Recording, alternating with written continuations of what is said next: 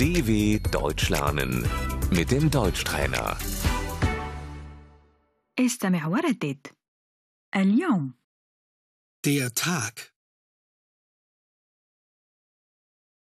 الاثنين Der Montag. في يوم الاثنين am Montag, الثلاثاء Der Dienstag. الأربعاء Der Mittwoch. الخميس der Donnerstag, الجمعة Der Freitag. السبت der Samstag,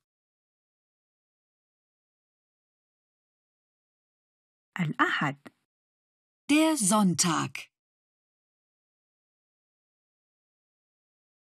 الأسبوع die Woche,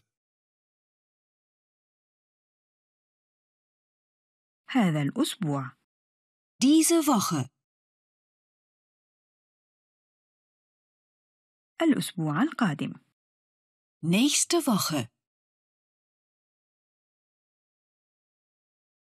عطلة نهاية الأسبوع das Wochenende, في عطلة نهاية الأسبوع Am Wochenende. اليوم heute,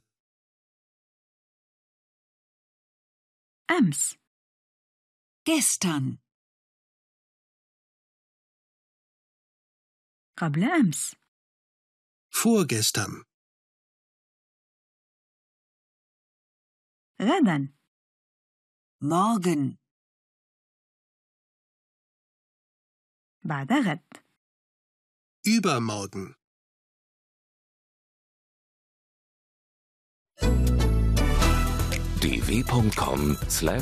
dw.com/deutschtrainer